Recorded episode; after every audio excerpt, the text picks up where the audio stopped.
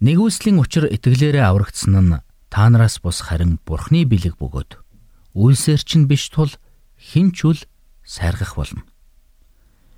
Эфес 2:8-9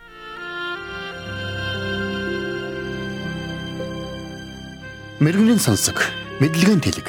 Ухаалх нь мэрэгэн өдөр төмжийг мөн авах. Доктор Харалт цаалогийн мэрэгэн зөвлөмж нэвтрүүлэг.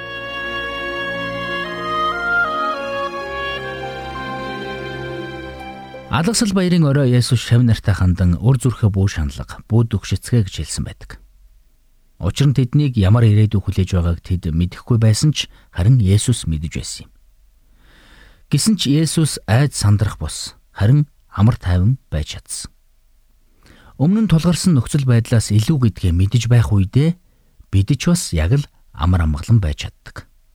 Тиймээс ч эзэн Есүс шав нартай хандан итгэлтэйгээр Миний дотор та нар амар амгалан байг гэж би та нарт энэ зүйлсийг хэллээ. ертөнцид та нар зовлонтой байна. Гэвч зөрөгтэй байх тун.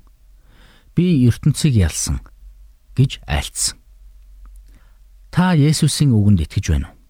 Бидний амьдарч буй ертөнцийг Бурхан бүхэлд нь хяналтандаа байлгаж байдаг гэдэгт та итгэх үед ямар ч нөхцөл байдал донд амар тайван урам зоригтой байж чадна.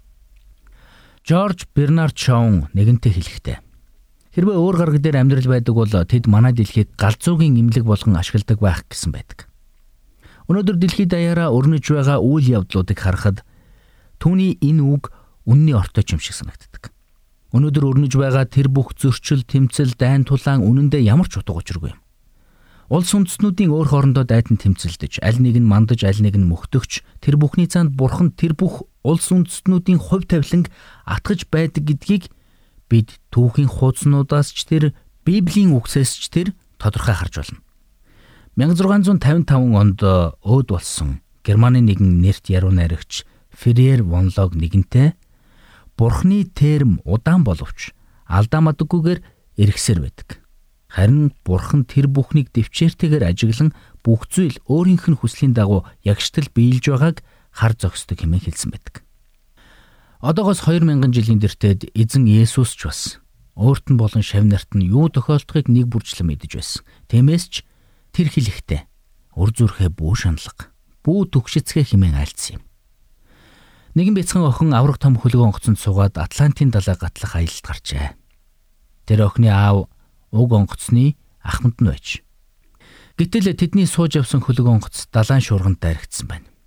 Зорчигчдийнхаа аюулгүй байдалд санаа зовсон хөлгийн ахмад багийнхантаа чиглэлөгч бүх зорчигчдод аврах хантаа зүмсүүлэх заавар өгсөн байсан. Ингээд хөлгийн үйлчлэгч бяцхан охины ундаж байсан өрөөний хаалгыг догшиж түүнд аврах хантаа зүмсгийг сануулсан байна. Харин шуурган дунд 50 гэгч нь унтаж байсан бяцхан охин нүдэн нухлан байж аав хүлгийг жолоодож байгаа хэвээрээ юу гэж асуусан байна.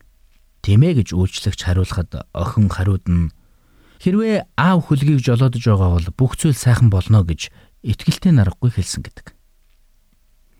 Үнэхээр бидний бурхан хизээч унддаггүй, зөөрмгөлдөггүй. Тэр энэ дэлхийн ертөнцийг анхааран хараа зогсохгүй. Таны амьдралагч мөн харж байдаг. Түүний мотор танд тусалж чадхааргүй тийм сул дорой биш. Тийм учраас та тодорхойгүй ирээдүй өөд алхахдаа айдас төгшүүрт автах нь зохисгүй юм шүү. Дуулал 23 дугаар бүлэгт э, Давид хаан Өглийн харанхуй хөндийг туулсан ч хор муугаас би үлээн. Та надтай хамтаагаад тайвшруулал минь таны саваа, таны таяг билээ. Химэн шүлгэлсэн байдгийг та санаж байна уу? Тэгвэл та ч бас итгэлтэйгэр надтай хамт хэн алхаж байгааг мэдэх учраас би ёрын муугаас айхгүй хэмээн тунхаглаж чадна. Аюулгүй байдал гэдэг бол аюултай нүур тулахгүй байхын нэр биш юм. Харин эзний оршихуйд байхын нэр юм. Тэр цагт таныг аюул занал хүрээлж байсан ч Бурхны оршихуй түүнээс ч илүү хүчтэй гэдгийг та мэдрэх болно. Есүс Христ бидэнд үр зүрхээ бүү шаналга, бүү төвшөцгөө хэмээн альцсан учраас бид тодорхойгүй ирээдүйтэй итгэлтэйгээр нүүр тулж чаднаа.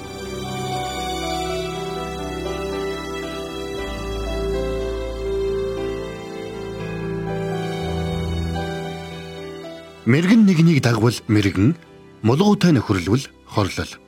Доктор Харалт цаалогийн мэрэгэн зөвлөмж нэвтрүүлгийг танд хүргэлээ.